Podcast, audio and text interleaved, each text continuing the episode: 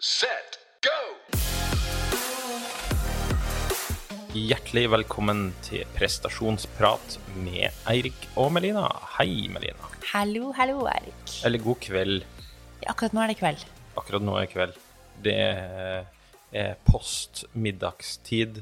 Niklas er lagt, øh, det er mørkt ut, og det er høst. Så Ja. det er deilig. Og vi har spist en eh, meget eh, En bedre middag. Det vi kaller en bedre middag. Jeg vil kalle det en bedre middag. Ja, Eh, For nå er det du som har vært på kjøkkenet. Jeg, har, jeg gjorde meg litt flid øh, med Anna, hvis det er lov å si. Ja, vi hadde and. Sånn at øh, jeg drar på samling i morgen. ja. Sånn at da fant jeg ut at eh, det var greit å Fòre opp kona litt. Fòre opp kona litt med and, og avslutte med stil før jeg drar og, på guttetur i ei uke. Ja, altså disket jeg opp med napoleonskaker, da.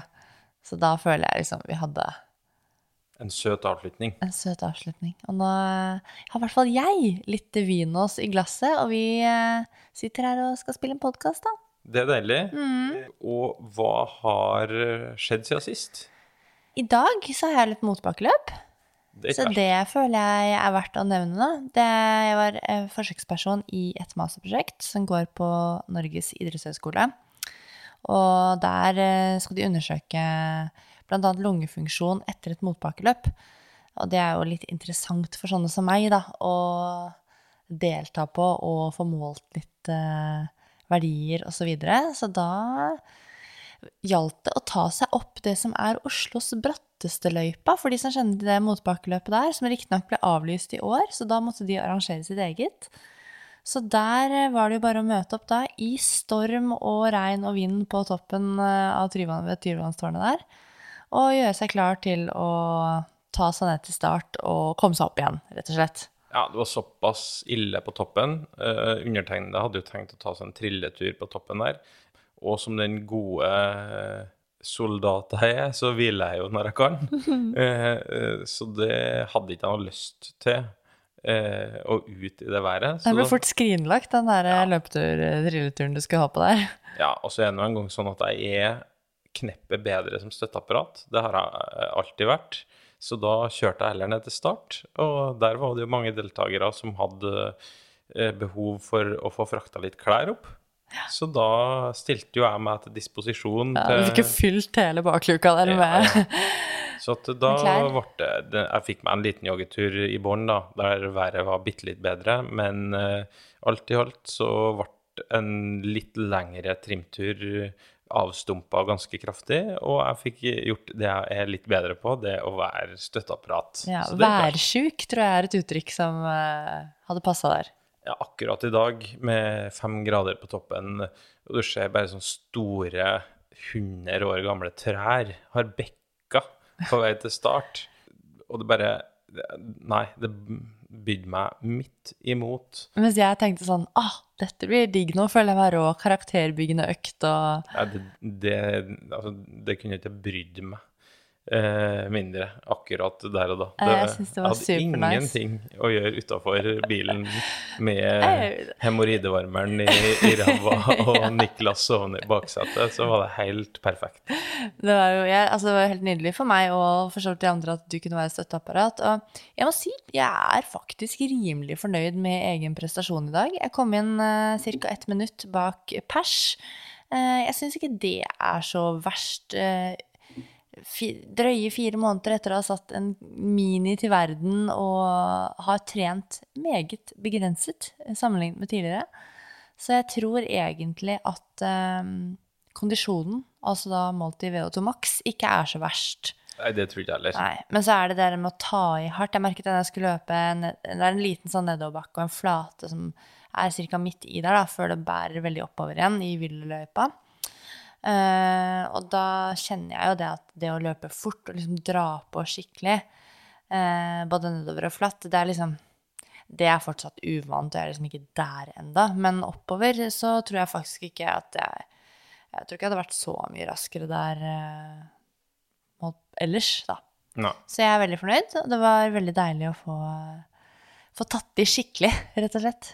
Veldig bra. Mm. Jeg har egentlig ikke så mye av eh, fysiske utskeielser å, å snakke om. Altså, eh, eh, høsten er jo i gang, og det er jo samlingssesongen i aller høyeste grad. Det er Ja. under to måneder til, til sesongstart.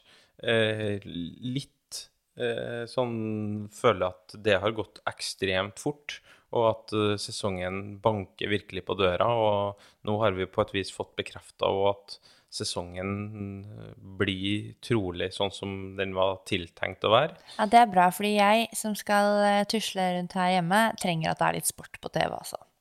Ja, uh, Abre for deg blir jo at uh, bort på TV er fint, men jeg er jo ikke her. Du er med den sporten? Ja, Ja. sånn at uh... Ja, det tenkte jeg ikke på, for så vidt. Ja ja, nei, men uh, Ja. noe skal det være. Sånn er det. Eh, Men det var nå planen i utgangspunktet òg, så at eh, jeg syns jo det er veldig gledelig at vi har et sånn litt mer konkret mål da, enn vi kanskje har følt på til nå denne sesongen, eh, med tanke på det skirennene som eh, nå ser ut til å bli noe av. Mm, og VM, det er verdensmesterskap faktisk denne sesongen. Det er verdensmesterskap. Ja. Intet mindre. Så eh, vi må vente til litt ut i februar, eller godt ut i februar. Men eh, den som venter på noe godt, venter ikke forgjeves. Så det blir veldig bra. Vi har sagt tidligere at eh, den høsten her, podwise, skal vi vri fokuset, i hvert fall. Ikke på alle podene, men vri fokuset litt over på ernæring. Det har vi allerede gjort, for så vidt, med en sånn liten intro med koffein. Jeg syns ikke det var så rent liten intro heller. Det var ganske grundig arbeid. Ja, ja, ja. Men det var ikke noe pompøs eh, Nei, nei, nei. eh, intro. Det var ikke det. Eh, men i dag så um, vi, vi, vi er fortsatt litt i overflata, men det vi tenkte i dag, det er å ta for oss de tre store. Karbohydrat, fett og proteiner. Og litt den metabolismen som eh, er rundt eh, eh, de her tre. Og hvordan vi Altså, hvordan bruker vi karbohydrater? Hvordan bruker vi fett? Hvordan bruker vi proteiner til å gjøre muskelkontraksjoner? Mm, vi skal rett og slett ha en um, forbrenningsepisode. Ja. Og uh, for dem som trodde at du bruker sukker til å, å gjøre bevegelse, så er det bare delvis riktig. Så mye kan jeg eh, Hva heter det? Oi, for en cliffhanger. Ja. eh, eh, jeg mangla ordet. Avsløre. Ja, det kan jeg avsløre. Ja. Veldig bra. Så for å hoppe egentlig rett uti det, da, i og med at denne episoden skal handle om uh, forbrenning, så er det jo sikkert mange som har hørt ordet metabolisme og stoffskifte etc. Og det her er ord som vi bruker litt om hverandre. Eh, litt fordi at det er egentlig ord for, sånn som jeg ser det, litt samme tingen. Ja, fordi på norsk så eh, sier vi jo ofte forbrenning, mens det engelske uttrykket er jo metabolism. Og så har vi da liksom det der eh, fornorskede versjonen, metabolisme, og så blir det litt sånn om hverandre. Men vi kommer sikkert til å si begge deler, da. Ja, ja. Og eh, helt sikkert i løpet av den timen vi bruker på å spille inn her, så har vi har jeg sikkert sagt begge delene. Mm. helt sikkert. Så det Bare blir for litt, å klargjøre det. litt hva som ligger eh, lengst fram i munnen når du snakker. Men forbrenning, det eh, kan være egentlig Altså metabolismen, da. Kroppens metabolisme. Der ser du allerede at eh, Kjør på. Du, du kommer inn på det. Ka, kan egentlig litt sånn deles i to. Du har en sånn katabol-del som da tar komplekse molekyler og omdanner til mer enklere molekyler. Brytes ned, rett og slett. Brytes ned. Det kan være, eh, for å sette en figure of speech, altså når du dytter en eh, sjokolade i munnen, hvordan den brytes ned til enklere ting enn sjokolade, som eh, over til molekyler som vi kan, eh, eller musklene våre kan benytte seg av når de skal gjøre en biceps curl. Ja. Det er veldig figure of speech. En Biceps curl er alltid en sånn go to, føler jeg. Ja. Ja. Eh, og så har du òg en sånn anabol del, eh, som da tar enklere molekyler og bygger opp til mer komplekse molekyler. Men de, alle disse molekylene de har jo i utgangspunktet vært relativt komplekse når de ligger på tallerkenen, og vi har de i glasset, eller hva? Ja, det, det er det. Og den katabole biten er jo det vi skal bruke eh, stort sett hele den podkasten her på.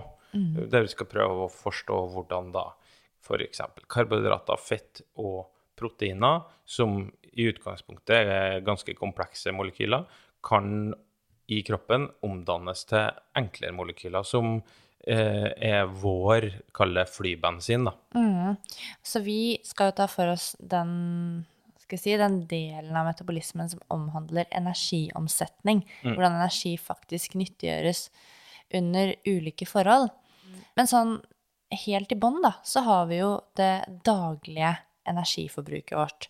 Ofte så kalles det jo for det eh, daglige totale energiforbruket, som er jo en sammenstilling av mange komponenter som til sammen utgjør denne her totalen med den energien du trenger for å komme gjennom den dagen. Vi har snakket om arbeidskrav tidligere. Et arbeidskrav krever jo en viss mengde energi.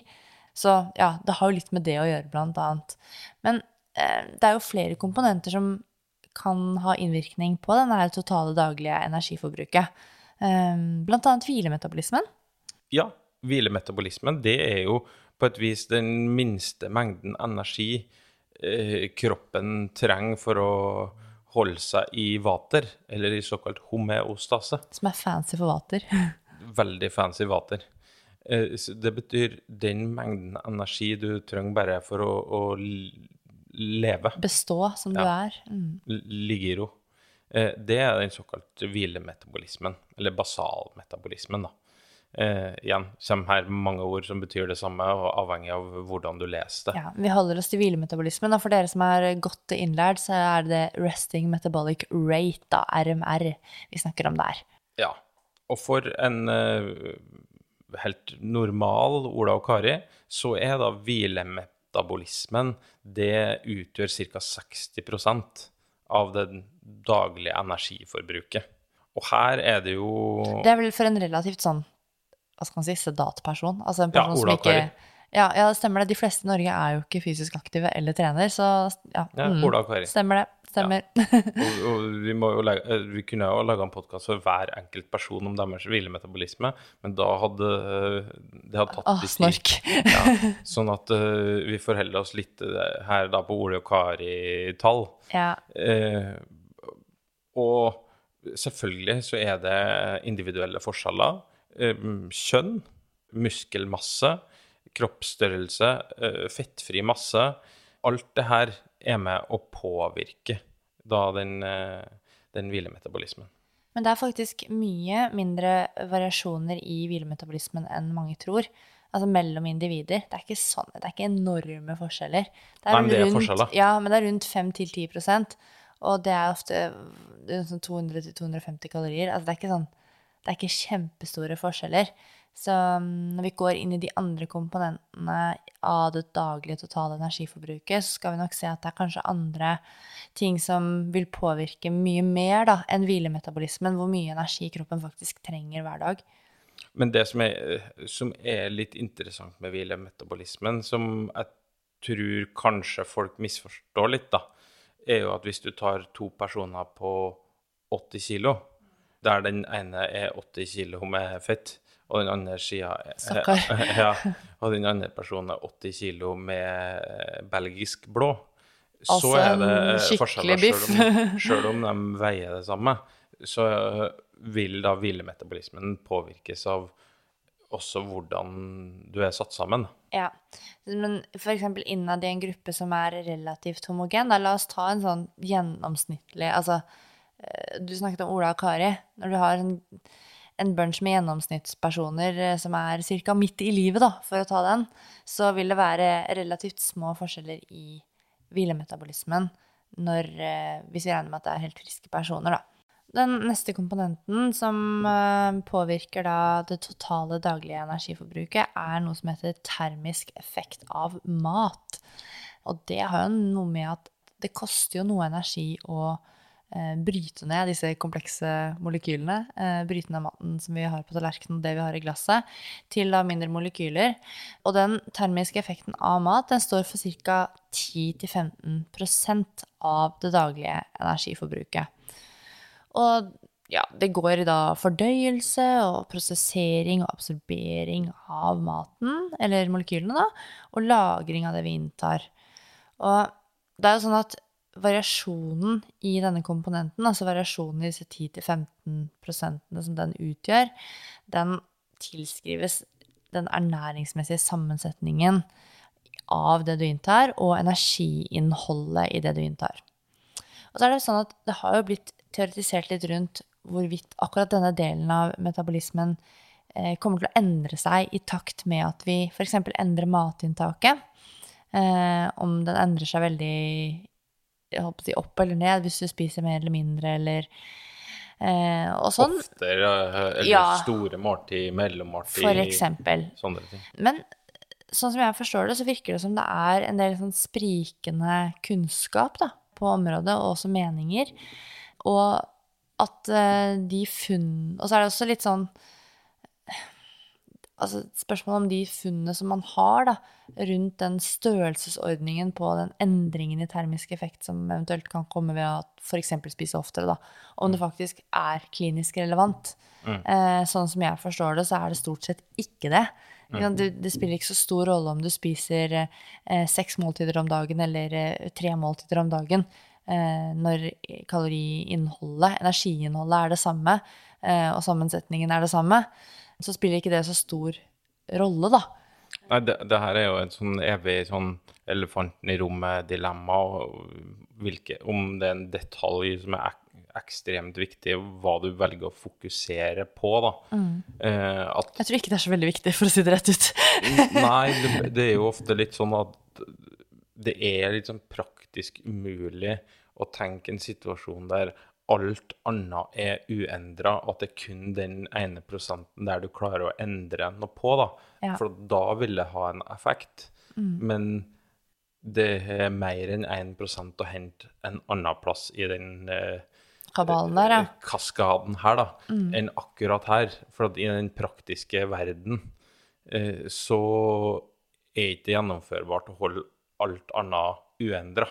Nei, og jeg tror også at hvis man f.eks. skal gjøre noen reguleringer, da, f.eks. kroppssammensetning eller kroppsvekter og sånn, så er det ikke termisk effekt av mat du driver og, og lager strategi eh, på. Eh, sånn at jeg tror det er liksom Ja, det, det er en del av det totale daglige energiforbruket, absolutt, eh, og bør derfor nevnes. Derfor nevner vi det også i denne podkasten, men, men det er kanskje ikke så eh, ja, det er ikke noe å fokusere på, egentlig, da. Det er bare noe å vite om. Um, men det er en annen termisk effekt som eh, kanskje kan være verdt å bruke litt mer tid på. Og det er det som vi kaller for termisk effekt av trening eller fysisk aktivitet. Um, og ja, litt avhengig av hvor man leser. Noen ganger så kalles dette for termisk effekt av fysisk aktivitet, og så får den på en måte to underkategorier. Og det er jo den varianten vi har valgt her. Eh, av og til så kalles det bare for termisk effekt av fysisk aktivitet, eh, og ikke noe mer enn det. Så da er det sånn at den eh, termiske effekten her, den er delt inn i det som vi kaller for termisk effekt av trening, og det som vi kaller for NEAT. Og det som vi da, det står for Non-Exercise Activity Thermogenesis. Så der har vi den. En skikkelig god munnfull. Men vi kommer tilbake til det. Jeg tenker jo på, altså Med en gang du sier neat, så tenker jeg på det. Altså neat som i that's neat. Altså, betyr ikke det litt som nett? Eh, nei, det betyr ikke nett. Det betyr sånn kult Ja. eller bra. Eirik er skikkelig god engelsk, som dere hører. Mm. Um, ja. I'm a big boy, er det ikke det du pleier å si? Jo. um, ja, så denne komponenten her, da, termisk effekt av fysisk aktivitet og NEAT, står for rundt 15-30% av det totale daglige energiforbruket i en helt gjennomsnittlig person. For det er jo faktisk forskjell på hvor eh, fysisk aktive vi er, hvor mye vi trener, og også hvor mye vi gjør dette her og har denne her niten da, i livet vårt. Um, dette er jo den forbrenningen som på en måte foregår på, to på toppen av hvilemetabolismen. Eh, og oppå toppen av den termiske effekten av mat. Og da er vi altså delt inn i to subkategorier. Så da har vi termisk effekt av fysisk aktivitet, eh, del én, som handler om det som vi kaller for treningsrelatert termogenese. Del to, det er altså NEAT. Og den treningsrelaterte termogenesen, det handler om aktivitet som er planlagt, den er strukturert, og den er repetert. Eh, og det er da fysisk aktivitet som har til hensikt å forbedre helsen din, eh, eller prestasjonsevnen din, eller eh, hva vet vi? Begge deler, kanskje. Så det, det handler jo om noe som er planmessig. Og der er det også Det tar meg jo litt til det at det er jo faktisk forskjell på trim og trening. Eller mosjon og trening. Trening er jo det planmessige og strukturerte. Og eh, mosjon og trim er det kanskje litt mer spontane, ikke så planlagte, ikke så målrettede. Så der fikk vi lært oss det òg. Ja. Og begge deler, altså både den eh, NEAT-delen, da, og den treningsrelaterte termogenesen, det er jo komponenter som kan gi ganske stor variasjon i det totale daglige energiforbruket. Det kan være stor variasjon for meg f.eks. bare fra én dag til en annen. Mm. Helt avhengig av hva er det jeg driver med, hva er det jeg foretar meg. Hvis jeg ligger på sofaen en hel dag, da sier det seg selv at da er den treningsrelaterte termogenesen den er ikke-eksisterende. Men jeg kan jo ha en del NEAT, altså da non-exercise activity thermogenesis. Og, et barn eh, gir litt NEAT? Barn gir litt NEAT, fordi du må flytte mye på deg og følge mye med. Og, på ned av gulvet og fram og tilbake hele tida. Du konstant i bevegelse. Ja, du er jo til en viss grad aktiv, men ikke noe av det er så veldig planlagt. Mm. Altså, NEAT representerer jo det vi driver med den mesteparten av tiden. Mm. Og veldig ofte så innebærer NEAT eh, ting som ikke vi egentlig tenker så mye på. Sånn, Spring til bussen, går til bussen, ja. uh, går og henter mat på kjøkkenet. Ha en bestemt holdning, f.eks. Mm. Eh, eller bytte posisjoner. Eller sånn som nå når jeg prater, så Jeg er jo halvt gresk, så jeg gestikulerer litt, grann, da. Mm. Eh, faren min gestikulerer veldig mye, så han er mye mer nyt enn meg mm. på akkurat det. Men sånne ting. Og til og med ja, stå, gå, rengjøring. Til og med synging er innenfor nit, da. Og ja, det er rett og slett dagligdags aktivitet som ikke er strukturert og planmessig. Og den aktiviteten den kan jo variere veldig. Og det betyr jo også at da vil den komponenten som har med akkurat energiforbruket å gjøre, den vil jo også variere veldig. Og sånn er det jo med den treningsrelaterte termogenesen også. Noen mennesker trener jo eh, veldig mye, sånn at eh, deres eh, eh, treningsrelatert termogenese kan kanskje overstige hvilemetabolismen. Vi sa jo tidligere at hvilemetabolismen utgjør en veldig stor del av det totale daglige energiforbruket for en ganske inaktiv person. Men for en veldig aktiv person så vil den jo overgå det, og man vil trenge ganske mye energi. Mm. Og har du en aktiv jobb, f.eks., du har en jobb hvor du står og går mye på beina, så øh, vil jo NEAT være veldig høy, mm. kontra om du har en stillesittende jobb, f.eks. Mm. Og de to tingene her, det er eh, komponenter som er veldig betydningsfulle i det totale daglige energiforbruket, i forhold til hvor stort dette forbruket er i, i energi. Ja, og det vi har på et vis tatt nå, da, med hvilemetabolisme, med termisk effekt av mat og termisk effekt av fysisk aktivitet, da, og det er NEAT, mm. det er jo måter å se på energiforbruk gjennom en dag. Mm. Og da er jo det alltid store, interessante spørsmålet hva er energi, da? Ja, Det høres nesten filosofisk ut når du sier det sånn. ja, og jeg tenkte liksom Ja, men det er jo enkelt å forklare. Altså, jeg kan jo litt fysikk og uh, sånn, men jeg syns det er litt sånn vanskelig å forklare, da. For du, hvis du leser om det, så Ja, energi er det på et vis samme som arbeid. Ja, hva er arbeid? Eh, ja, det er litt det samme liksom. som energi. Eh, ja.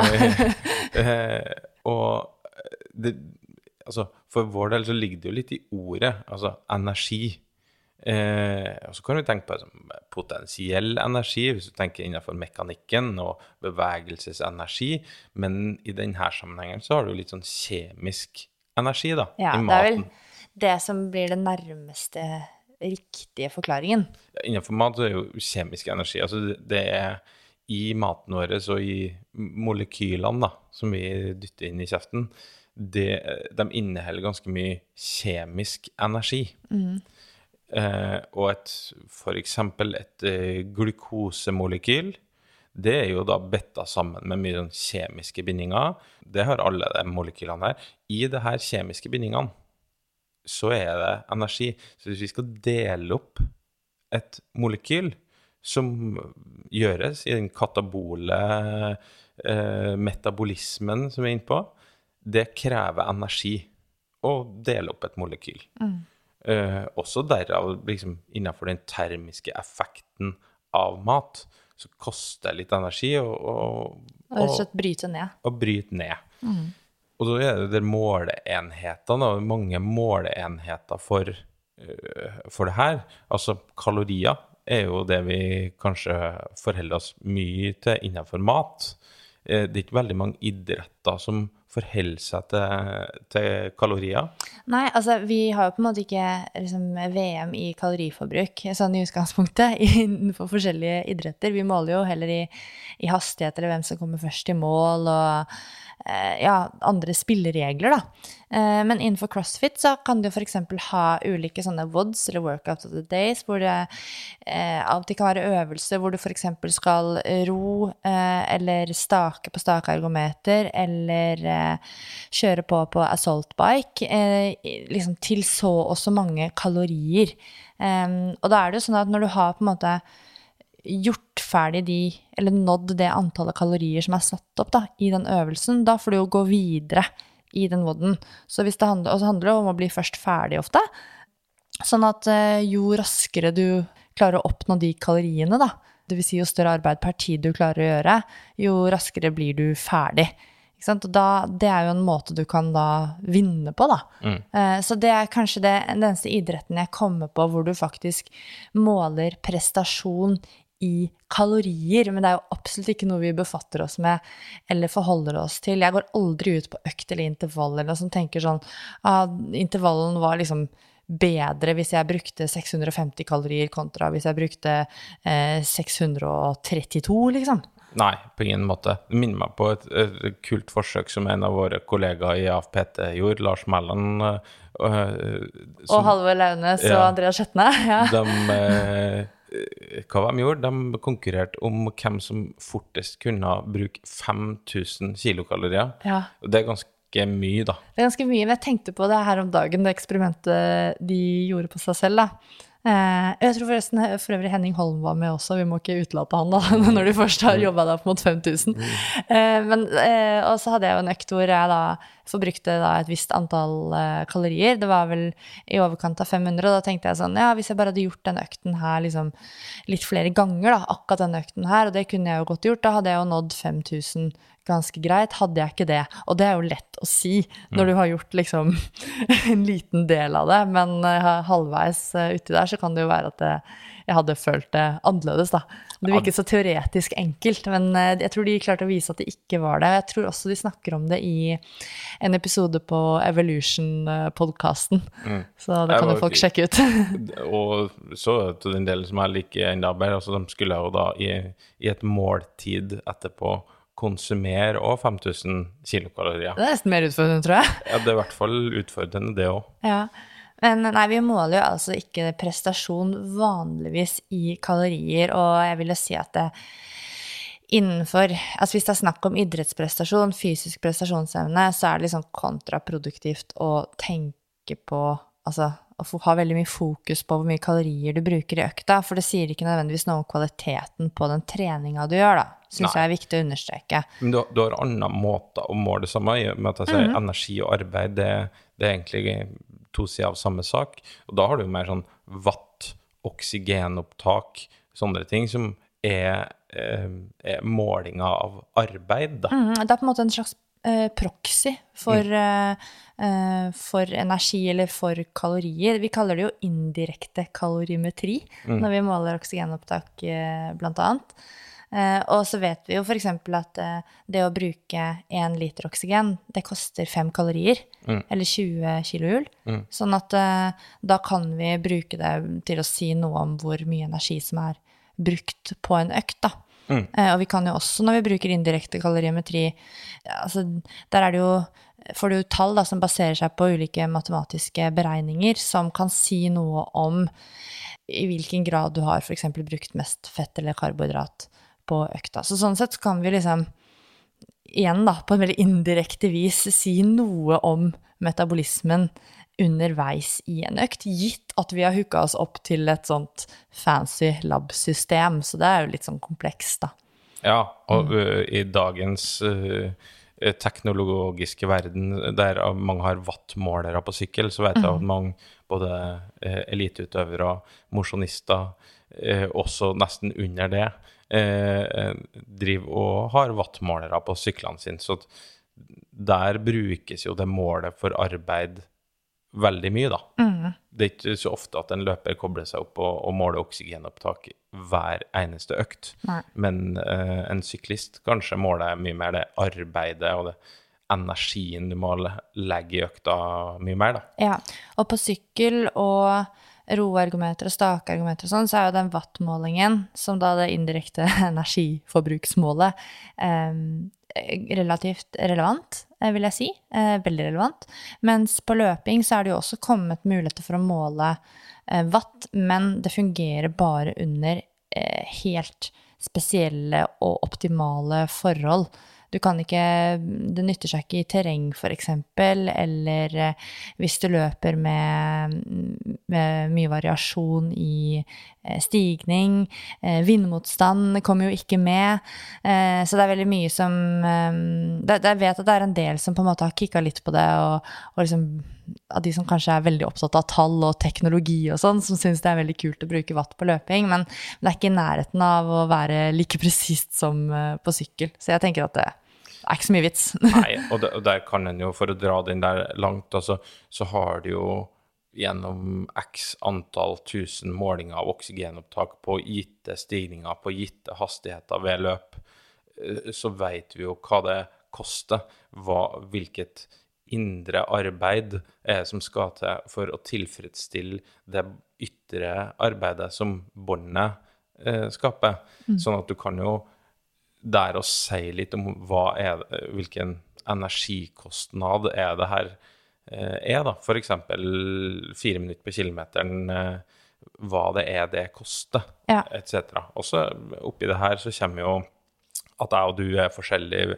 Vi, vi løser det, vi løser ting litt forskjellig, så det blir et sånn snitt. Det, det, det kan vi si. Ja. Uh, og så er det noe, som jeg var inne på i starten, så er det litt sånn at det ulike næringsstoffene her, og dem vi tar opp i dag, karbohydrat, fett og proteiner, de, har jo noen såkalte kjemiske bindinger som gjør at eh, karbohydrat og proteiner det inneholder samme energimengde. Mm. Ett gram karbohydrat, da. Ja, det inneholder fire kilokalorier. Mens da fett, det inneholder ni kilokalorier.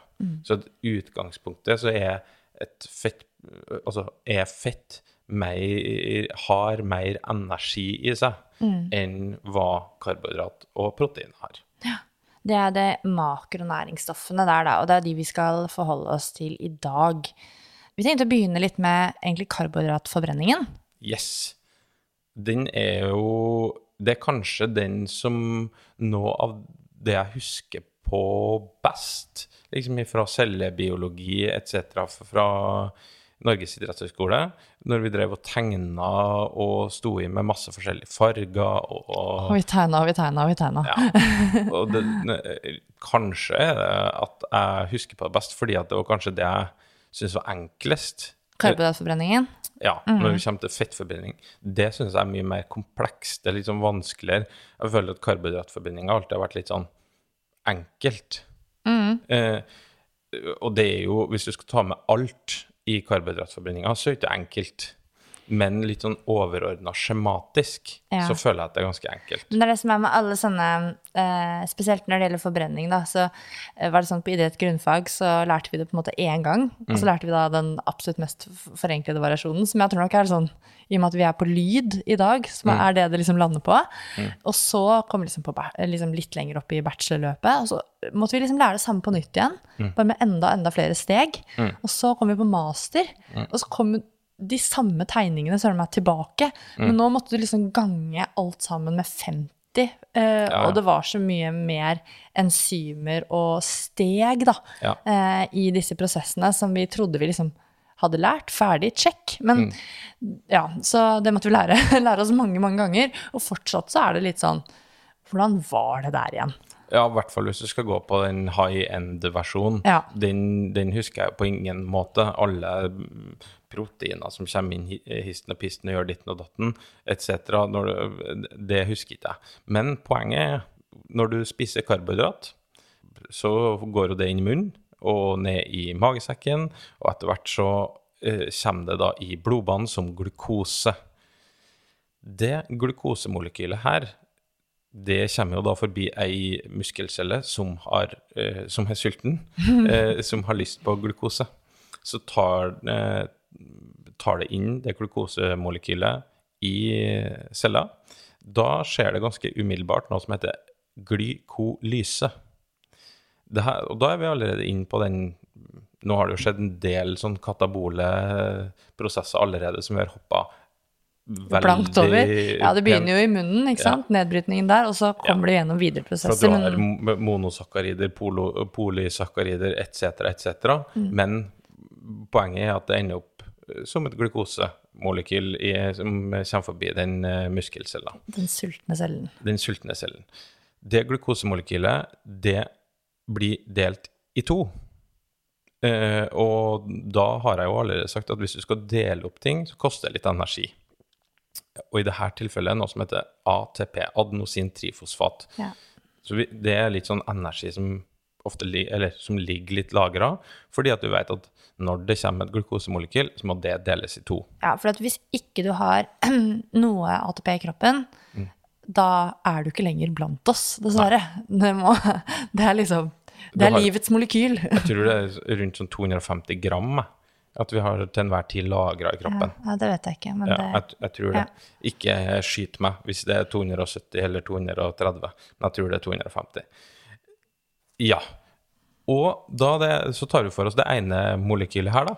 Eh, som da Hvis vi har oksygen, eller nok oksygen tilgjengelig, det vil si at vi jobber på en aerob eh, At vi er i en aerob tilstand, eller blir holder på en aerob intensitet, f.eks. at vi sitter i ro, beveger oss rolig etc., da har vi nok, eller tilstrekkelig nok oksygen tilgjengelig. Joggetur, eksempel. Ja. Gruppetime. Ja, og det her da uh, oppdelte glukosemolekylet, det kaller vi for pyruvat. Det her pyruvatmolekylet kan da gå inn i sitronsyresyklus, eller krepssyklus, som det kanskje så fint heter, hvor det videre prosesseres. Jeg skal si det at den krepssyklus og sitronsyresyklus, den foregår i eh, sånn organelle som heter mitokondrie. Mm, og det er jo sånn at jo eh, flere mitokondrier du har, jo holdt på å si, flere sitronsyresykluser får du kjørt samtidig. Jo du, flere fabrikker har du. Ja, ikke sant? Så det er eh, på en måte innenfor utholdenhetssegmentet da, og kondisjonssegmentet, så er man jo opptatt av å øke størrelsen på mitokondriene, eller øke antallet, eller begge deler da, antallet på mitokondriene, for å få til flere sånne fabrikker med disse prosessene du snakker om nå. Fordi at i utholdenhetsidrett så er den aerobe kapasiteten ekstremt viktig. Hvor god vi er til å omdanne eh, eller ta opp og benytte oss av oksygen, og få da det, her systemet her til å, å gå videre, altså glykolyse, sitronsyresyklus, og så til noe som heter elektrontransportkjeden, som er liksom eh, der vi får mest ATP. Ja, mest energi. Ja, og den foregår òg i mitokondriene, altså i membranen til denne organellen. Så går det eh, Altså, og vi sitter igjen da med et glukosemolekyl som er brutt ned, og vi har fått ganske mye ATP ut av det. Jeg lurer på om det er 36 ATP mm. du, du sitter igjen med av nedbrytingen. Og eh, i og med at det her kan jo gå to ganger, du har jo to pyruvatmolekyler du har fått ut av det ene glukosemolekylet To for én. to for én. Så er jo da, mm, kan ta det med en gang, hvis vi ikke har nok oksygen tilgjengelig, da stopper eh, Da er ikke pyruvat vi lager, da lager vi laktat. Det har vi snakka om i en tidligere episode, og da stopper ting opp. Da får vi nesten ikke noe energi igjen av det glukosemolekylet. Ja, og så er det sånn, eller det blir kanskje riktigere å si at det nedreguleres kraftig. For det er jo ikke sånn at eh, man skrur av enkelte prosesser i kroppen Nei, 100 Men der du ved aerob, energi, eh, aerobe prosesser, da sitter jeg igjen med 36 ATP. Ved anarobe prosesser sitter jeg igjen med to. Ja, ikke sant? Så ganske ikke- stor forskjell. Ja. Så- Og da kan man jo tenke seg at um, det, For meg da så høres det ut som at man får mest energi eh, per tid ved å være i en arob eh, tilstand. Ja, det er ikke noe tvil om. Og så er det jo i enkelte, i noen konkurransesituasjoner, så vinner du ikke VM-gull, eller du vinner Ved å være så himla OL-gull. aerob hele tiden. Nei, du vinner ikke med kun å ligge eh, 100% aerobt. Nei, for det går ganske sakte.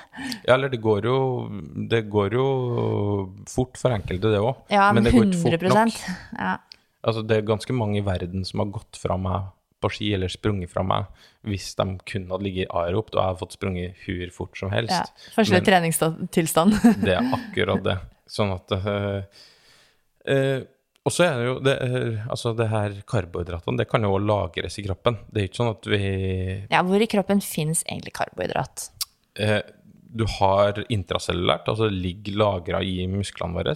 Intracellulært glykogen ligger det lagra som, som er litt sånn eh, energipakker som ligger lagra til vi trenger dem. Og så har du jo eh, altså, glukose som eh, vandrer rundt med blodet ditt. Ja, og så er det i leveren, da. Mm. Der har vi da lagringsformen i, i kroppen. det er alltid veldig interessant hvis du eh, å google ting, og det gjør jo vi jo veldig mye. Hvis vi skal fram til Hvis det er noe vi lurer på skal finne vitenskapelig eh, bevis for våre rare teorier, så googler vi. Eh, og så er jo det her veldig interessant. Hvis du, hvis du googler karbohydratforbrenning, så kommer du egentlig ganske raskt inn på ja, ganske sånn vitenskapelig baserte ting. Ja, altså først kom på en måte Wikipedia, og så, men veldig tett under, da, så, så får du jo tilbud om å gå inn på liksom, skal, Google Scholar og vitenskapelige artikler. Ja, men hvis du øh, Og du, du, greia er at du får ikke opp så veldig mye forslag rundt karbohydratforbrenning. Men søker du fettforbrenning, Å, herregud. så da, da jobber jo Google overtid, da. Eh, og det første du da får opp, det er jo ekstremt mye sånn reklame for Ripped Freak 2.0, Max Fatburn Express. Uh, Masse kosttilskudd. ja, enormt mye, og veldig mye sånn eh, Det vil si er reklame. Altså hele første sida du får opp på Google, er litt sånn Ja. reklamebasert. Altså Hvis jeg hadde sittet som eh, totalt eh, ubelest person eh, og innenfor dette her, og skulle liksom google fettforbrenning, for jeg tenkte at eh, sikkert bra for helsa eller et eller annet å få opp denne fettforbrenninga, og så hadde alt dette her kommet opp, da hadde jeg umiddelbart tenkt sånn Å ja, det, det, er, det er dette som skal til. Jeg må ta kosttilskudd for å få opp fettforbrenningen. Eller eh, samme hva jeg gjør, så vil ikke fettforbrenningen min bli spesielt mye bedre eller bra hvis ikke jeg tar noen av disse kosttilskuddene. For det er jo dette som kommer opp. Ja. eh, eh, Ripped Freak 2.0. Det høres jo Har du trua? Det høres jo Ja, det er fantastisk ut. ripped Freak 2.0. Det koster bare 449, så jeg kjøpte et par, for sånn Sikkert helt rent og greier. Ja, det er jo snart sommer, da. Ja. Det, det, tida går fort. Jeg er nødt til å, å vise meg på å være ripped Ja, freak jeg håper ironien skinner gjennom her. Um, altså dette med fettforbrenning er jo et veldig hett og omdiskutert tema. Jeg lurer forresten på hvordan ripped freak 1.0 var. Altså, hva, hva har hva har liksom skjedd til 2-0? Ja, hva er add-on, liksom? Holder ikke? Ble du okay. freak nok, eller ble du dripped nok? Det er jo det store Det spørsmålet. er store spørsmålet. Det er eh, et veldig, ja, som sagt, hett og omdiskutert tema. Eh, For mange er dette et mer sexy tema enn karbohydratforbrenning og proteinnedbrytning. Eh, Det virker som at veldig mange har en slags, slags eh, eh, Altså at veldig treningsinteresserte mennesker, da, skjærer alle over en kam her, har som et litt sånn mål å bli en sånn lean, mean, fat-burning maskin. Og jeg tror nok jeg og samtlige av mine kollegaer i både Akademiet for personlig trening på NIH og hvor, når jeg har vært aktiv som trener eller foreleser, har fått spørsmålene om hva er det som er mest fettforbrennende av matvarer, av drikke, eh, aktivitetstyper og intensitet. Og det er etter mitt eh, syn da, og mine meninger, så er det, det er liksom helt feil fokus å ha, eh, både fra helseperspektivet og fra prestasjonsperspektivet. Det handler ikke liksom om å Altså, på et vis så blir du en bedre fettforbrenner av å bli bedre utholdenhetstrent, men det er ikke det, er ikke det som sådan du går for. Mm. Det er jo ikke liksom det som er hovedmålet. Det er bare en bieffekt av andre ting som du gjør. Så, så det er jo ja, det er ganske mye med fettforbrenning, og også hvis man skal f.eks. endre kroppssammensetning, og da er det jo mange som ønsker å f.eks. redusere fettmassen sin, og det er kanskje absolutt viktigst for de som eh, har for mye av den. Altså de som er overvektige eh, eller har fedme og trenger å gå ned i vekt. Du så Eh, sånn på meg når du sa det? jeg så veldig hardt på deg. Nei da, nei, du gjorde ikke- det. Men, men det er kanskje ikke nødvendigvis eh, raten av fettforbrenning under aktivitet som er viktigst for å, for å få suksess med endring av kroppssammensetning eller vektreduksjon. Da. Det får vi kanskje komme litt tilbake til i en, en annen runde. Eh, eller eventuelt litt senere i dagens episode, hvis vi rekker det. Men fett, altså fett lagres, eller finnes så å si overalt i kroppen. Det lagres eh, noe som heter subkutant, det betyr under huden. Så det er altså underhudsfett, rett og slett. Eh, det lagres også, lagres også rundt indre organer og har en funksjon som rett og slett mekanisk beskyttelse. Um, og også intramuskulært. Intra det betyr jo mellom, så mellom og rundt muskelfibre. Jeg husker annet da jeg holdt på med ultralydundersøkelser av leggmuskulaturen til eh, mine og Marie Moltebakk sine forsøkspersoner. Eh, vi gjorde sånn studie på mm, mekaniske egenskaper i muskel-senesystem, og da brukte vi mye ultralyd og skulle ha nydelige, flotte ultralydbilder av lange muskelfibre, eller fasikler. Og eh, da var det faktisk sånn, det var interessant for oss å se, da, men det var faktisk sånn at jo eh, mindre intramuskulært fett det var i en legg, jo, jo penere ultralydbilder ble det. Dette er sånn man blir veldig nerd på. Men det var jo eh, interessant å se også at eh, eh, for eksempel, jeg hadde jo eh, en del eh, ballettdansere og dansere inne for å undersøke leggmuskulaturen deres, så de hadde relativt lite intramuskulært fett, og vi fikk veldig fine ultralydbilder. Så du kan faktisk eh, titte på det til en viss grad da, med ultralyd. Viktig å se bra ut på bildet. vet du. Inni leggen, liksom. Nei, det er ikke viktig. Men eh, nei, så, så altså da intramuskulært. Eh, og så er det jo sånn at fett har jo mange funksjoner, bl.a. som signalmolekyl. Eh, det fungerer som lagring, eh, eller et lager av energi i kroppen. Eh, og det er også viktig for transport, eh, blant, og, blant annet av f.eks. de fettløselige vitaminene, som er vitamin A, D, E og K. Ofte når vi snakker om fett eh, liksom på hva skal jeg si ernæringsspråket eller eh, fysiologi, eh, kjemispråket, så bruker vi uttrykket lipid. Eh, Det er jo et fettstoff. Lipos, det er jo det greske ordet for fett, faktisk. Så hvis vi sier eh, Ofte så mm, snakker man jo om lipidnedbrytning, eksempel, og lipidforbrenning. Det er jo det det samme som vi på folkemedisin med fettforbrenning. Bare sånn at folk ikke tror det er to forskjellige ting, da. Um, fettnedbrytningen, den er mer kompleks, eh, i hvert fall for meg, enn karbohydratnedbrytningen. Det var det jeg òg syns. Ja, Altså, den Jeg husker at jeg drev sånn Jeg måtte lære liksom mange ganger. ja, og du må gjenta deg sjøl mange ganger, og tegne det mange ganger, Ja. for å på et vis forstå alle måtene. ja. Uh, og ikke at vi skal gå inn på liksom alle veiene her i dag, men det er jo en mangestegs ARO-prosess som foregår i muskelcellene og i uh, mitokondriene. Eh, og der foregår det da noe som heter, kalles for beta-oksidasjon. Så hvis man vil liksom gå dypere inn i det, så kan man for gå på, kan du gå på YouTube, så kan du titte på filmer om beta-oksidasjon. Ehm, det er det jeg driver med, da. Henviser rett til YouTube hvis du drar den lange karbohydratforklaringen. Jo, men det, det kan hende at det er like så enkelt, fordi at det også jeg, sitter her og skal prøve å forklare ting, og så sitter jeg alltid og kan tenke meg å ha ei tavle ved sida av meg. Du er veldig sånn Vi tar en figur. Ja, men det er litt, for, altså er litt sånn analog, da. Det, er det er så enkelt å forklare ting Ja. hvis du kan tegne samtidig. Det kan du jo vel, Ja. det kan du ikke på podkast ennå. Så da er det jo kanskje Da kan vi jo få tilbakemelding da på om det var enklest at jeg forklarte, eller at At jeg Marina henviste til YouTube. henviste Nei, men litt av poenget med denne episoden her er jo nettopp å bare få denne her røffe liksom, bakgrunnen for de neste episodene, sånn at vi slipper å liksom dra opp igjen ting og forklare det. Men akkurat det med beta-oksidasjon, det tror jeg gjør seg best som film og figur, så ref YouTube, da.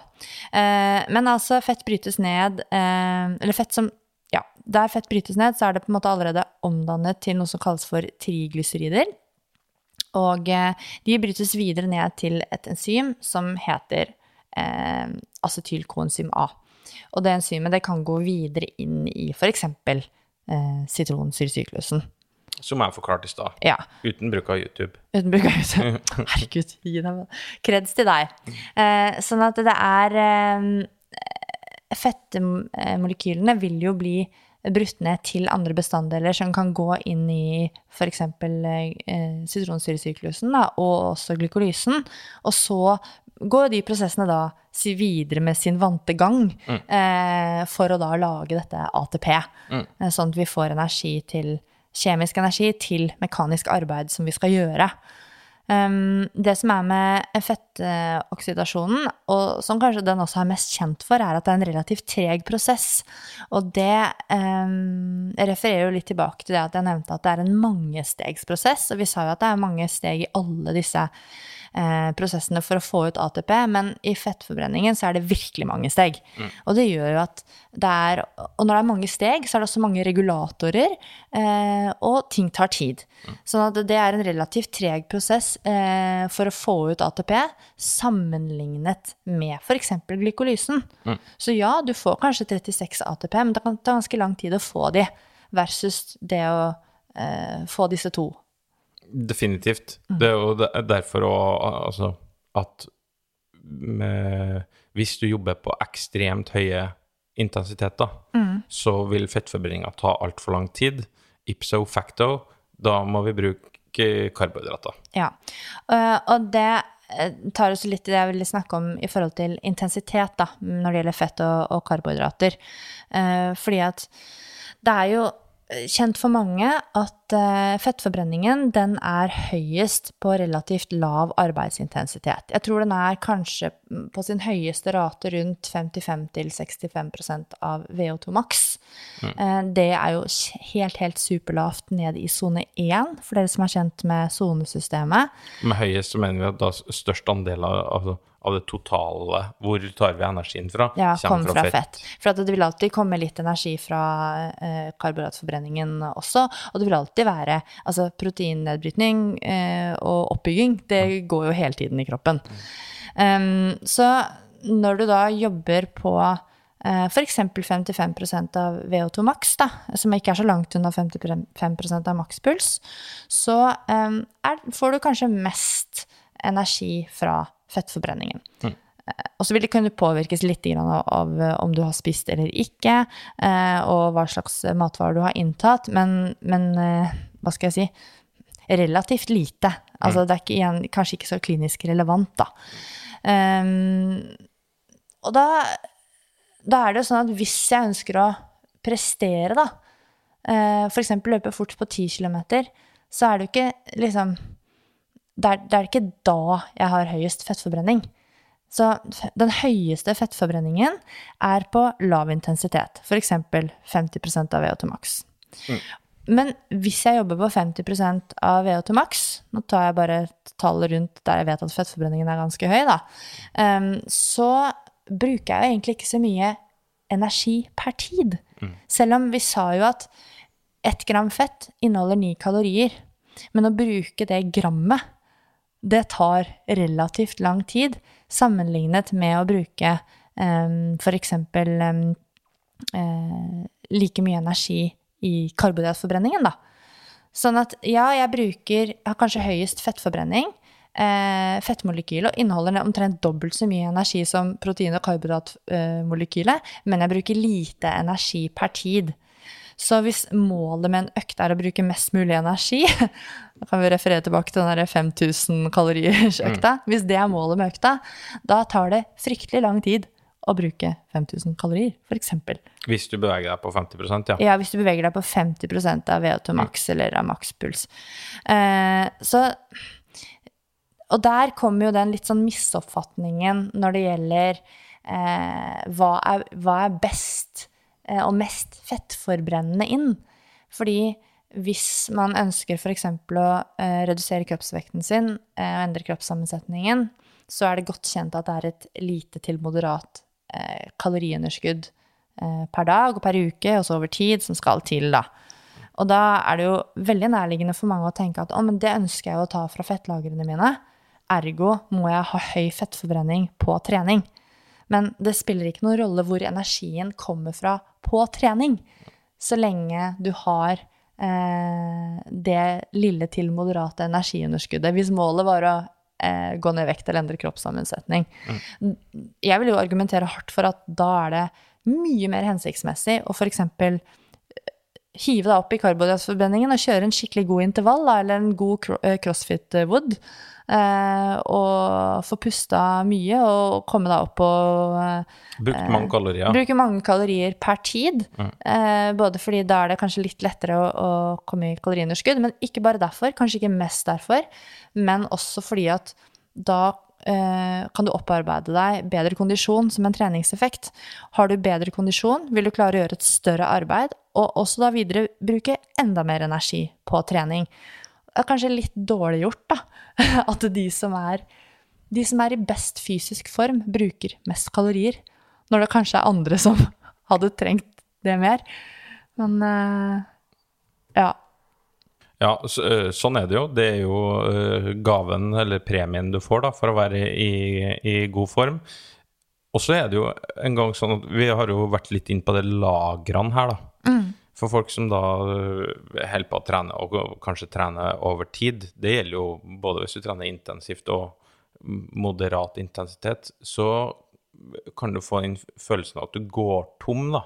Kan, fordi at det karbohydratlagrene du har i kroppen, de er, ganske, de er mye mer begrensa enn hva fettlagrene er. Absolutt. Jeg tror eh, en mann på rundt 80 kilo kan vel lagre rundt Er det 500 gram Ja. glykogen eller noe sånt? I alle fall, det er veldig begrensa. Så på et tidspunkt, i hvert fall hvis intensiteten er at du har en viss intensitet, så vil du gå tom. Ja. Eh, Der karbohydratlagrene vil etter hvert tømmes. Det kan du også se i eliteidrett på i utholdenhet, at plutselig folk eh, såkalt sprekker, da. Ja. Altså, Det blir de- svart. De går på veggen, eh, og så taper de fryktelig med tid helt på slutten. Eh, og det, det som da skjer, rent sånn ernæringsmessig, er at de blir tvunget mer over på fettforbrenning, som tar tid. Med andre ord så må intensiteten reduseres, altså farten må reduseres. Enkelt og greit. Så konkurranseintensitet er veldig sjelden i denne her fettforbrennings... eh, eh, liksom, delen, da. At Ja. det er den som er den høyeste. Men det som er eh, også in- interessant her, da, er, som har, er, er ganske sånn opp i dagen, i hvert fall i utholdenhetsidretter som har en viss varighet, sykling, langrenn, ultraløp, Ultraløp, langdistanse. maraton altså, eh, For dem så er jo ingen tvil om at de ønsker å forbrenne mest mulig fett. Og la, altså, å spare uh, i gåsehendene lengst mulig på karbohydratlagrene sine. Ja, for det var det jeg mente litt med sånn også at eh, ja, du kan bli en lean, mean, fat-burning machine eh, på sett og vis, fordi at eh, jo bedre utholdenhetstrent du blir, eh, og kanskje spesielt eh, rent sånn perifert, da, dvs. Si at du får flere mitokondrier i skjelettmuskulaturen din, større mitokondrier, eh, flere arobenzymer, sånn at du blir rett og slett mer utholden rent muskulært, da vil du kunne bli en bedre fettforbrenner, og du vil potensielt kunne eh, få en sånn glykogensparingseffekt, som, som, du nå snakker om, da.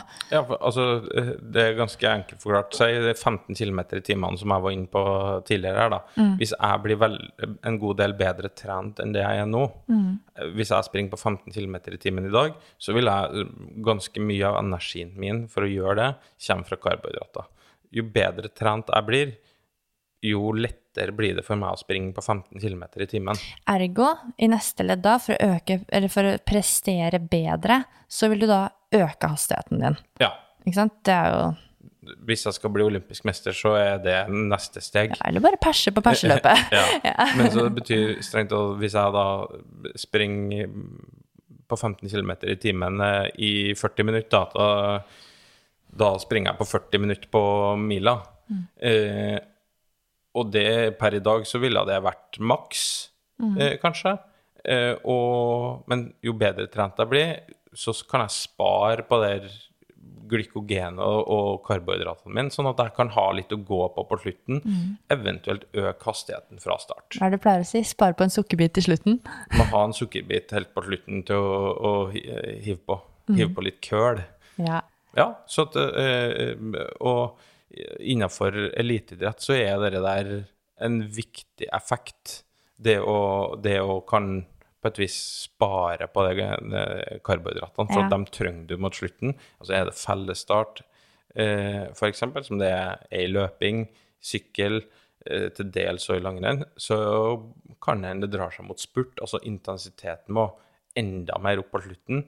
Det har du ikke sjanse til hvis du er tom for karbohydrater da trenger du karbohydratene til å hive på for å få den ekstra farten. Ja, så sånn sett så er det er rett og slett Idrettsernæring er, det er viktig å, å være bevisst og, og, kunne om du har fokus på det de, i sånne type situasjoner. Da. Så man ikke, det er dumt å gjøre all treninga riktig, og så bommer du liksom på pacing og ernæringsstrategi under et løp eller et ritt, og så bare ja. faller alltid staver, og du har trent liksom kjempelenge for det, og så bommer du på ernæringen. Det er dumt. Ja, det er jo gjort mye forsøk på det å, å trene uten frokost, f.eks. Det å og, og, da teoretisk skal lære kroppen sin til å bli en bedre fettforbrenner, f.eks. Eh, og det gjøres jo spesielt med sykkel. Ja, til, altså at man trener fastende. Mm, trener mm. fastende. Eh, men det, det gjøres òg i, i, de fleste utholdenhetsidrettene så er det folk som eksperimenterer med det her. og og har både eh, gode og dårlige dager med akkurat det. Ja. Vi må ha en egen episode om dette som kalles for fat adaptation. Det er utrolig interessant tema, veldig spennende. Så jeg tror vi får sette punktum for akkurat det med fettforbrenning og fettbruk der. Eh, bare sånn eh, avslutningsvis i forhold til det, da. I den episoden som eh, vi hadde ganske tidlig i Prestasjonsprat sin lille, beskjedne karriere med Emil Iversen og Didrik Tønseth, snakket dere litt om ja om dette med Vi snakka om problemet Didrik Tønseth. Ja, vi, i forhold til forbrenning. ja, det, så at, eh, For dem som er mer interessert i det her, så anbefaler jeg å høre på den Jeg tror det var episode to ja, vi hadde. For Didrik er jo en litt uh, spesiell case uh, på akkurat det. Og det, spesielle caser kan man alltid lære litt av. Ja. Det er min erfaring. Problemet Didrik Tønseth uh, heter det kapitlet i den podkasten. Ja. Så over til proteinnedbrytningen, eller proteinforbrenningen. Den er jo litt annerledes enn karbohydrat- og uh, fettforbrenningen uh, på flere måter. Proteiner er jo ansvarlige for så å si alt som skjer i kroppen. Fra å være strukturelle proteiner i muskler og skjelett eh, og annet vev, til å være kontraktile proteiner i musklene, til transportproteiner, eh, signalproteiner, blodplasmaproteiner, til hormoner og antistoffer og reseptorer og jonekanaler og enzymer som katalyserer alle de kjemiske reaksjonene i kroppen. Så med andre ord proteiner relativt viktig. Eh, proteiner de er eh, polymerer eh, av aminosyrer, og de er bundet sammen med noe som kalles for peptidbindinger.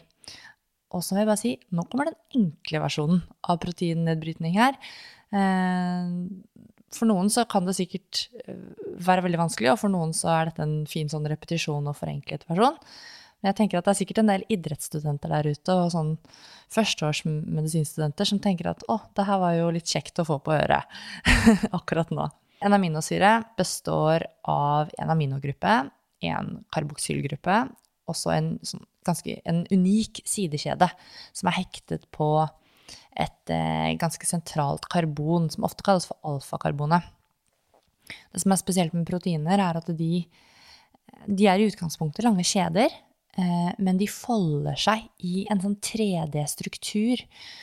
Og selve måten proteinene folder seg på, det er faktisk helt kritisk for funksjonen til proteinene. Så man skal undersøke f.eks. For forskjellige proteiner og hvordan de påvirkes av ja, intervensjoner som vi setter i gang på kroppen, så kan det være at man undersøker faktisk selve foldingen av et gitt protein. Da. Eh, og så er det reaksjoner mellom sidekjedene med aminosyrene som bestemmer denne foldingen. Da. Har, det er jo 20 aminosyrer, og det er nesten halvparten av de er essensielle. Dvs. Si at vi må få de tilført gjennom kosten vår. Kroppen kan ikke lage de selv. Og det er animalsk protein, altså det vi får fra dyreriket, som ofte blir sett på som de mest komplette proteinene. Fordi de ligner jo veldig på menneskelige protein i komposisjonen sin. Og de kan gi oss alle de aminosyrene vi trenger. Men det er faktisk sånn at en kombinasjon av ulike typer plantemat eh, også kan få jobben veldig godt gjort, uten at vi skal gå noe mer inn på det nå. Ja, altså all fordøyelse og all nedbrytning begynner jo i, i, munnen og munnhulen, som vi har vært inne på tidligere. I magesekken og tynntarmen eh, så blir proteinene brutt ned til aminosyrer som kan tas opp i blodstrømmen. Og så eh, kan det bl.a. transporteres videre til leveren.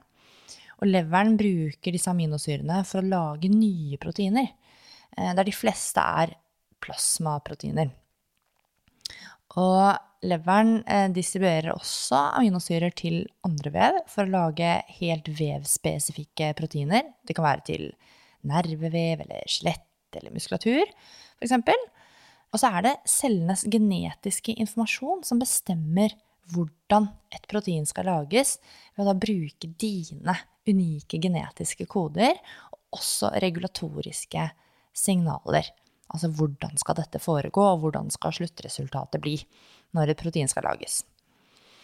Kroppens proteiner de, de fornyes konstant. Eh, det er alltid noe nedbrytning og oppbygging for å holde kroppen eh, levende og i gang og ved like. Gamle proteiner de kan brytes ned til aminosyrer. Og det som er fint med det, da, er at de vil da bli resirkulert. Og sammen med aminosyrer fra matinntaket så kan det lages nye proteiner. Det er en veldig smart løsning kroppen har der, da. I motsetning til karbohydrat og fett så lagres ikke proteiner som er til overs i en sånn egen proteinform. Når behovet for proteiner eh, er møtt, så blir aminosyrer som er til overs, de blir brutt ned og brukt til energi. Eh, eller de kan konverteres til glukose eller fettsyrer. Som er jo relativt sånn komplekse eh, prosesser, det her, da. Bruken av aminosyrer som energi, det skjer ved eh, meget langvarig trening, eh, eller bl.a. ved utstrakt faste. Eh, og de er, det er nok ting som vi kommer til å komme tilbake til i, i andre episoder for å snakke om såkalt eh, ketogen diett og ja, sånne ting. I konverteringen fra aminosyrer til energi så finnes det ikke noe eh, noen steg som trenger nitrogen. Så det første steget i nedbrytningen er jo å fjerne eh, aminogruppen ved prosess som heter deaminering, eller transaminering, for da å produsere såkalte keto acids. Eh, og ketoner, kan, eh, eller keto acids, kan gå inn i andre metabolske prosesser på ulike steder. F.eks. gå inn i Krebs syklus på ulike steder. Og det eh, Altså, det har allerede vært mange komplekse steg, men jeg syns i hvert fall at på det liksom, trinnet her, da, så begynner det å bli relativt komplekst med, komplekst med tanke på hvilke eh, aminovarianter eller sånne keto acids som kan eh, gå inn i prosessene på de forskjellige stedene.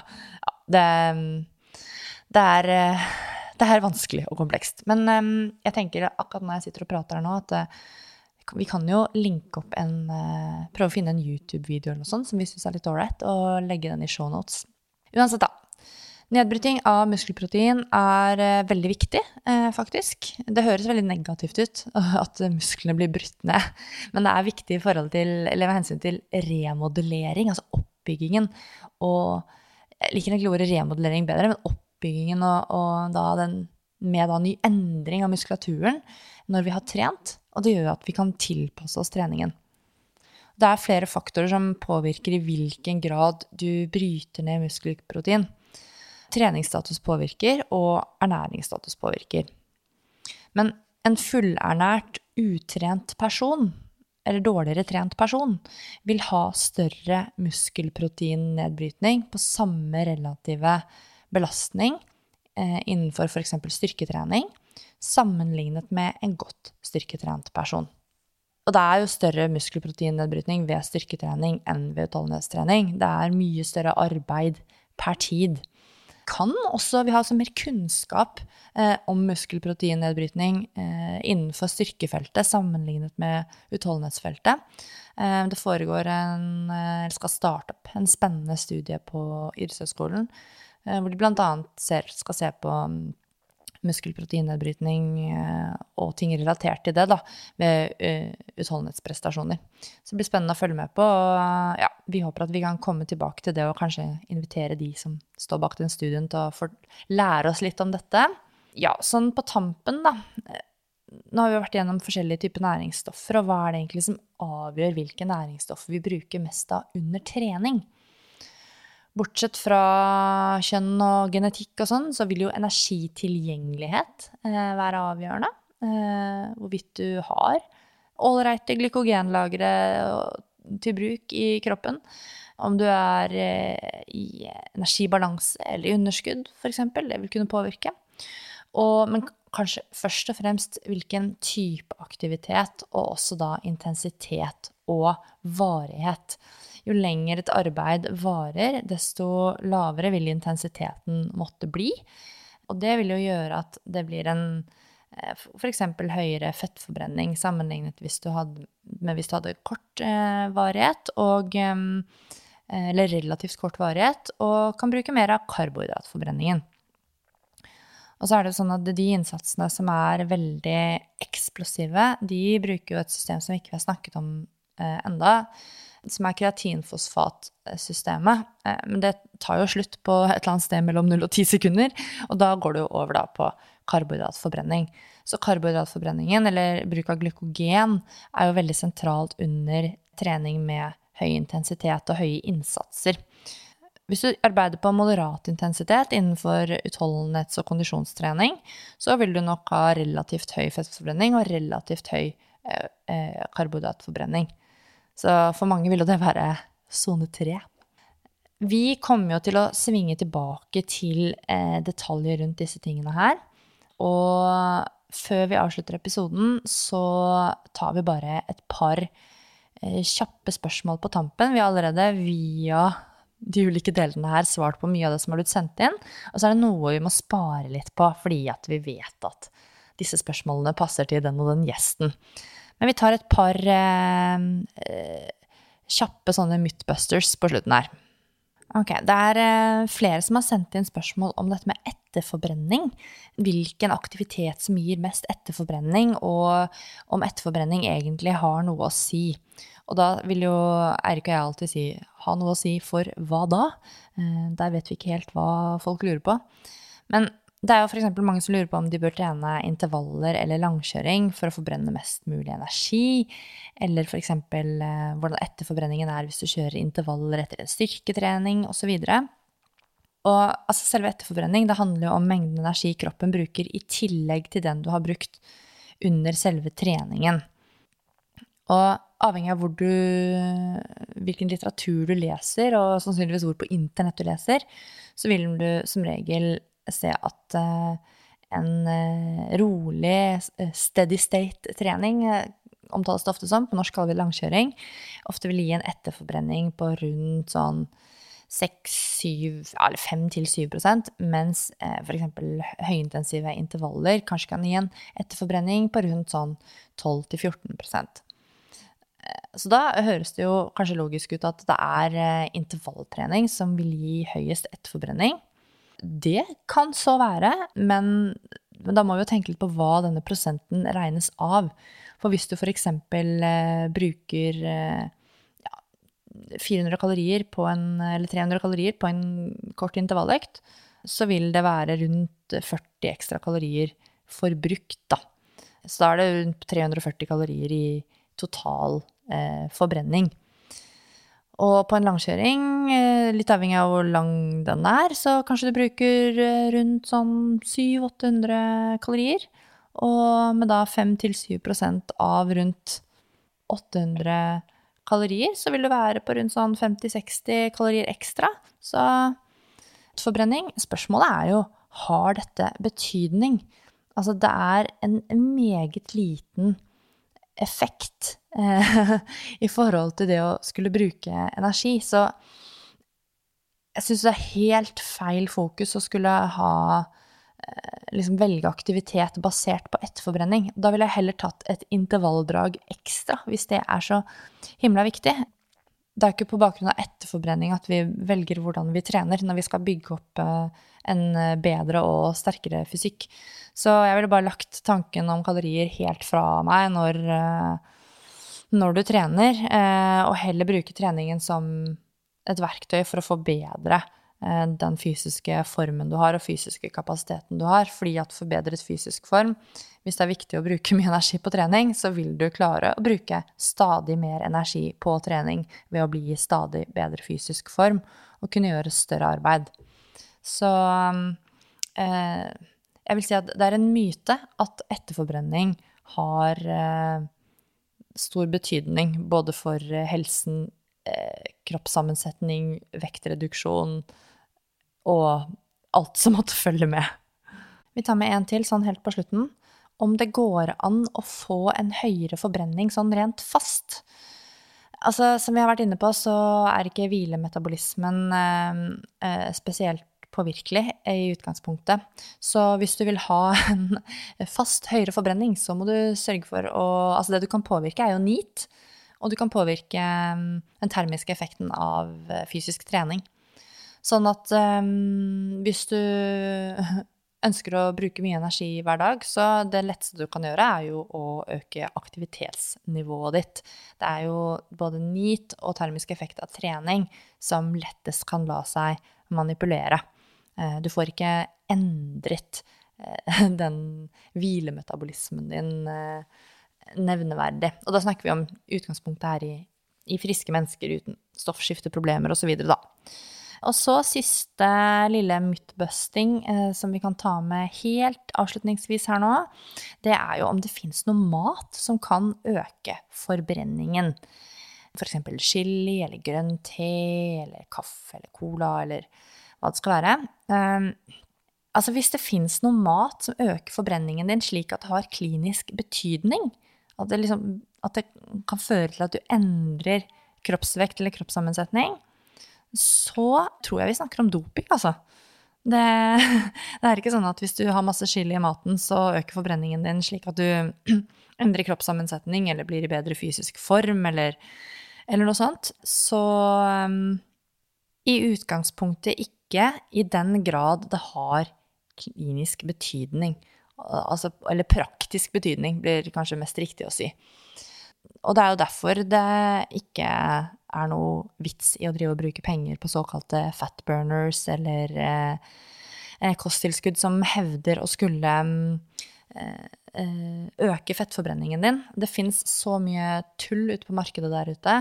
Og det finnes også en del eh, kosttilskudd som er liksom spesielt rettet mot kvinner, eh, hvor det står at eh, du både får en mer feminin fysikk, og at du kan være mest punktforbrenne, og at det øker fettforbrenningen eh, noe voldsomt. Eh, styr unna, folkens. Det er eh, rødt flagg opp på sånne type kosttilskudd, og det fungerer heller ikke. Så for å øke forbrenningen, så er det å øke aktivitetsnivået som gjelder. Og så er det viktig å presisere, eh, nå helt før vi takker for i dag, på denne litt sånn forbrenning one-on-one-biokjemiepisoden vår, at det er jo ikke i utgangspunktet hvor mye du forbrenner på en økt som er avgjørende for om du den, bør velge den økta eller ikke, hvis du snakker om fysisk prestasjonsevne. Så da må vi kanskje skille litt mellom de som trener for å øke prestasjonsevnen sin, og de som trener for å forbedre helsen sin ved å eh, f.eks. gå ned i vekt hvis man er overvektig eller har fedme. Eh, det er helt vidt forskjellige kontekster. Og vi snakker egentlig mest om det første, da. Prestasjonsperspektivet. Da er det på tide å takke for laget. Eh, det her var en sånn liten ABC innenfor karbohydrater, fett og proteinforbrenning. Eh, håper dere syns at den var lærerik. Eh, og som vi har vært inn på, så er det jo fryktelig mulig for dem som er interessert i det her, å dypdykke eh, ned i det her. Vi har eh, så vidt pirka litt i overflata. Så da gjenstår egentlig bare å si tusen takk eh, for at du hørte på. Eh, følg oss gjerne i sosiale medier under prestasjonsprat. Og så um, høres vi plutselig igjen. Ha det bra. Ha det bra.